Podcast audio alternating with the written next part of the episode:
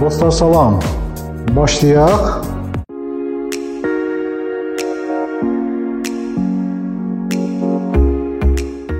Dəyərli bizneskarlar salam. Bu gün sizə çox aktual bir mövzu haqqında danışmaq istəyirəm. Bu elə bir mövzudur ki, hər birimizin həyatında var, biznesində var və biz bu biznesdə e, bunu bu məsələni önə həmişə çəkirik və hal-hazırda bizim e, biznesimizin ayrılmaz bir hissəsidir. Bu dediyimiz nədir? Bu e, texnologiyalardır və biznesdə texnologiyaların rolu mövzusunda müəyyən bir rubrikadır. Əslində mən bunu çox asanlıqla bu mövzunu apara bilərəm. Nəyə görə izah edeyim?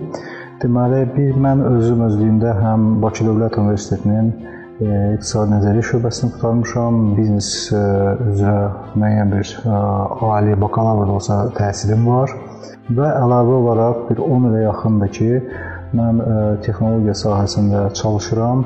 Nəinki çalışıram, öz şirkətim var və şirkətin rəhbəriyəm hə, və bizim yanımızda kifayət qədər professional hə, mütəxəssislər işləyir və həmişə yeni bir texnologiya və yaxud da bu mövzuda yeni bir yeniliklər olanda biz mütləq hə, müştərilərimizə məlumat veririk və onların işlərinin keyfiyyətinin artırılmasında birbaşa iştirak edirik. Videomuza başlanmışdan qabaq mən ilk növbədə demək istəyirəm ki, bu rubrikanın çəkilişində, ümumiyyətlə işlərin görülməsində, müəyyən bir texnoloji məsləhətlərin verilməsində bizə IT Pro və Texnar komandaları çox böyük köməkləri var və bu komandaların özlərinin YouTube səhifələri var, maraqlı videolar olur. Bu videonun aşağısında linkləri var, daxil olub baxa bilərsiniz və onların kanalında daha çox texnoloji mövzular, müəyyən bir bu mövzu ətrafında müəyyən bir dəyişikliklər, texnologiyada nə yeniliklər var, orada tamamilə görə bilərsiniz.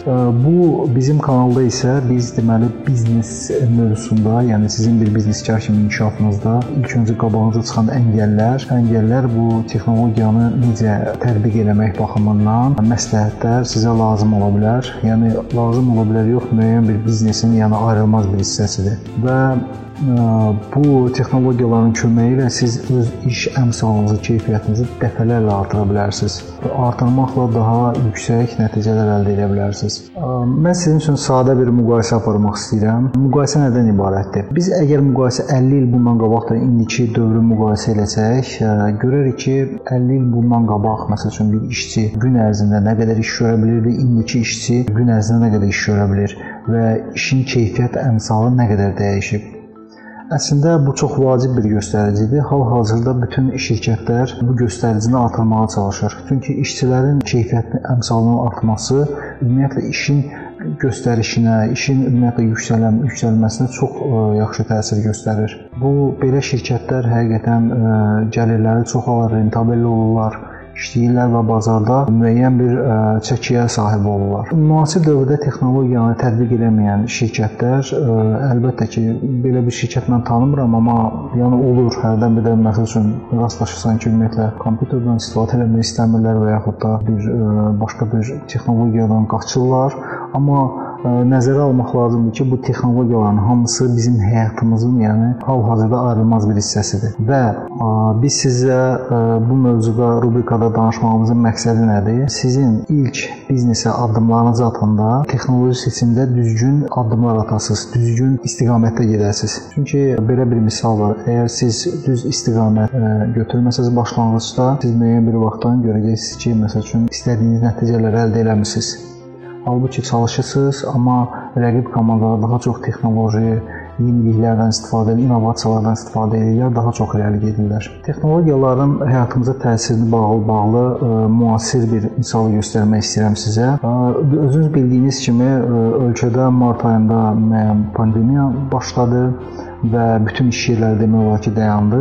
Siz yəni təsəvvür eləməzsiniz bu proses necə ola bilərdi əgər texnologiya olmasaydı. Mən burada e, qeyd etmək istəyirəm ki, bax Vergilər Nazirliyinin, sonra dövlət qurumlarının hazırladığı bu texnoloji əsaslar hansı ki bizə onlayn işləməyə imkan verdi. Təbii ki, bu bütün qurumlara aid deyil, amma əksəriyyəti onlayn rejimdə işləyə bilirdi və iş keyfiyyətini həmin moment daha da çox artırdı. Artırdı və biz evdən, evdən oturub tamamilə sərbəst şəkildə işləyə bilirdik. Düzdür, evdən işləmək bizim üçün biraz belə deyim də vərdiş deyil. Yəni adətən biz öyrəşmişik ki, harasa gəlib mütləq işləmək lazımdır, amma xaricdə bu çox gözəl praktikadır. Yəni istənilən insan rahatlıqla evdən işləyir, işini görə bilir və həmin məvacibə alır.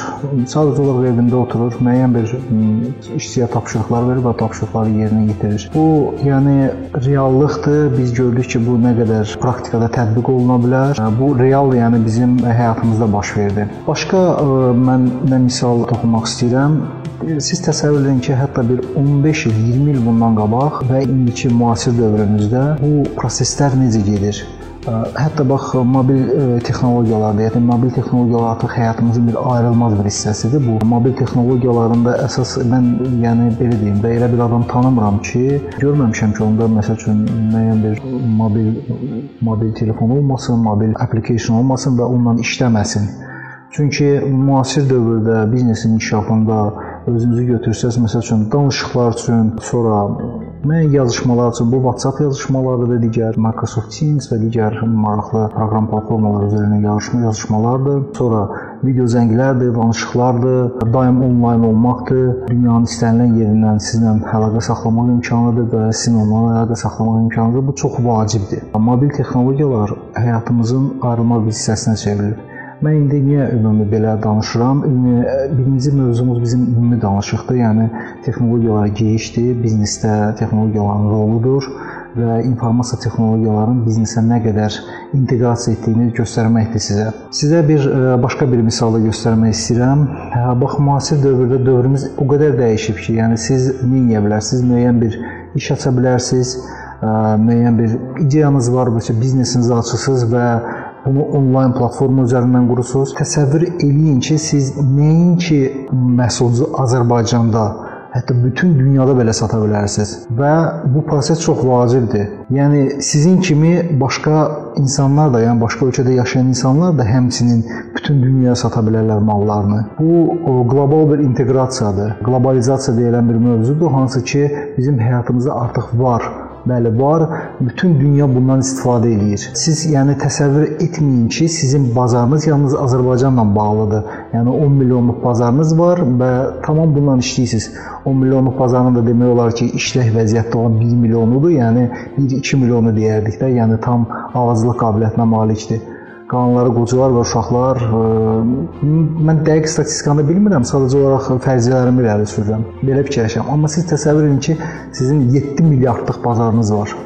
7 milyardlıq bazar sizə kifayət qədər böyük gəlirlər vəd edir. Əsasən mən sizə qeyd edim ki, bu çox sadə bir misal idi. Biznesinizi quranda müəyyən çalışın, daha böyük kütləyə yönlənin.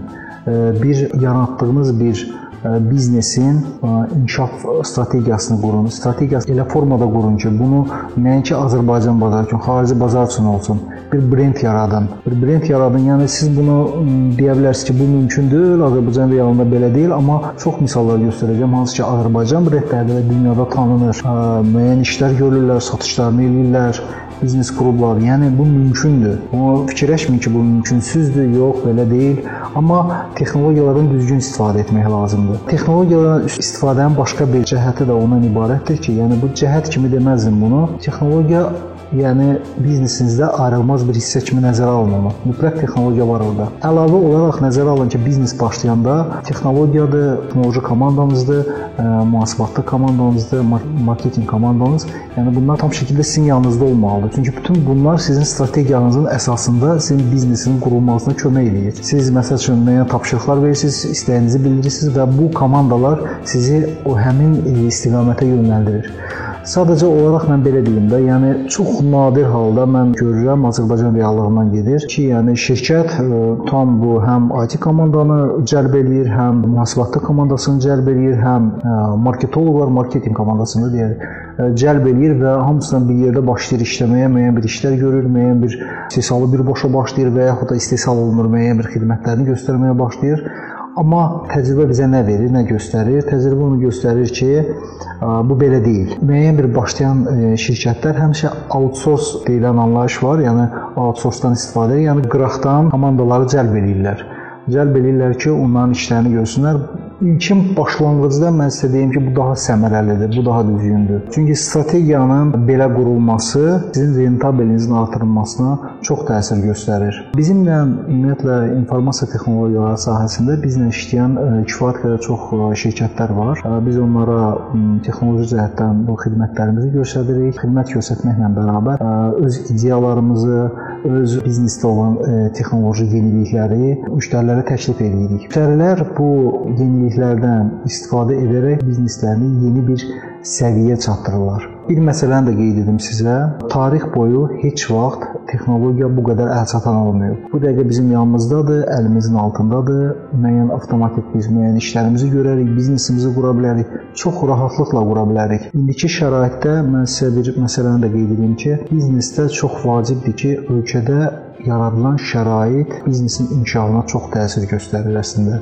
Hazırki dövrdə yaradılan şərait mən hesab edirəm ki, daha da yaxşı ola bilər, amma bu yəni Azərbaycan üçün çox böyük göstəricidir. Azərbaycan çox iri addımlarla irəliləyir və mən arzu edirəm ki, müəyyən bir elə bir dövr yaransın ki, avtomatik olaraq biz bütün prosesləri, bütün əməliyyatları onlayn şəkildə həyata keçirdə bilək. Tam onlayn şəkildə. Yəni müəyyən bir getmək, gəlmək düzdür, bu bizdə hardasa bir belə deyim 80% azalıb. 80%. Mən təsəvvür eləmirəm əvvəl məsəl üçün bizneslə məşğul olan insanlar necə ümumiyyətlə işləyirlər, necə. Yəni bunların bütün günləri, yəni ora sənəd apar, bura sənəd apar, onu təsdiqlə, bundan vergidən məktub al və yaxud da müəyyən bir başqa quruma müraciət elə. Yəni bu qədər çox vaxt itirirdilər həddindən artıq çox vaxt bu bizneskarlar ümumiyyətlə işlərini necə satdırırlar, nə qədər vaxt sərf edirlər bunlara. Ona görə ölkədə biznes inkişaf eləmir. Yəni əslində dövləti buna görə qınamaq lazım deyil. Yəni biz biz belə bir quruluşa yeni gəlirik, yeni yavaş-yavaş gəlirik. Məsəl üçün əgər düzdür, yüksək templərlə də gələ bilərdik, amma müəyyən bir ə, e, müharibə şəraitinin baş verməsi, biraz həmin e, fonda biraz e, başın qatışması, sonra digər proseslər, daxili siyasi proseslər və nəhayət stabillik olduqdan sonra biz e, başladıq biznesdə müəyyən irəliləyişləri görməyə. Həqiqətən aramızdan çox bacarıqlı, öz işlərini, işini bacaran və gözəl mütəxəssislərimiz var. Bu mütəxəssislər həm müəyyən bir sahələrdə işləyir, həm də ki bir biznesdə işləyirlər.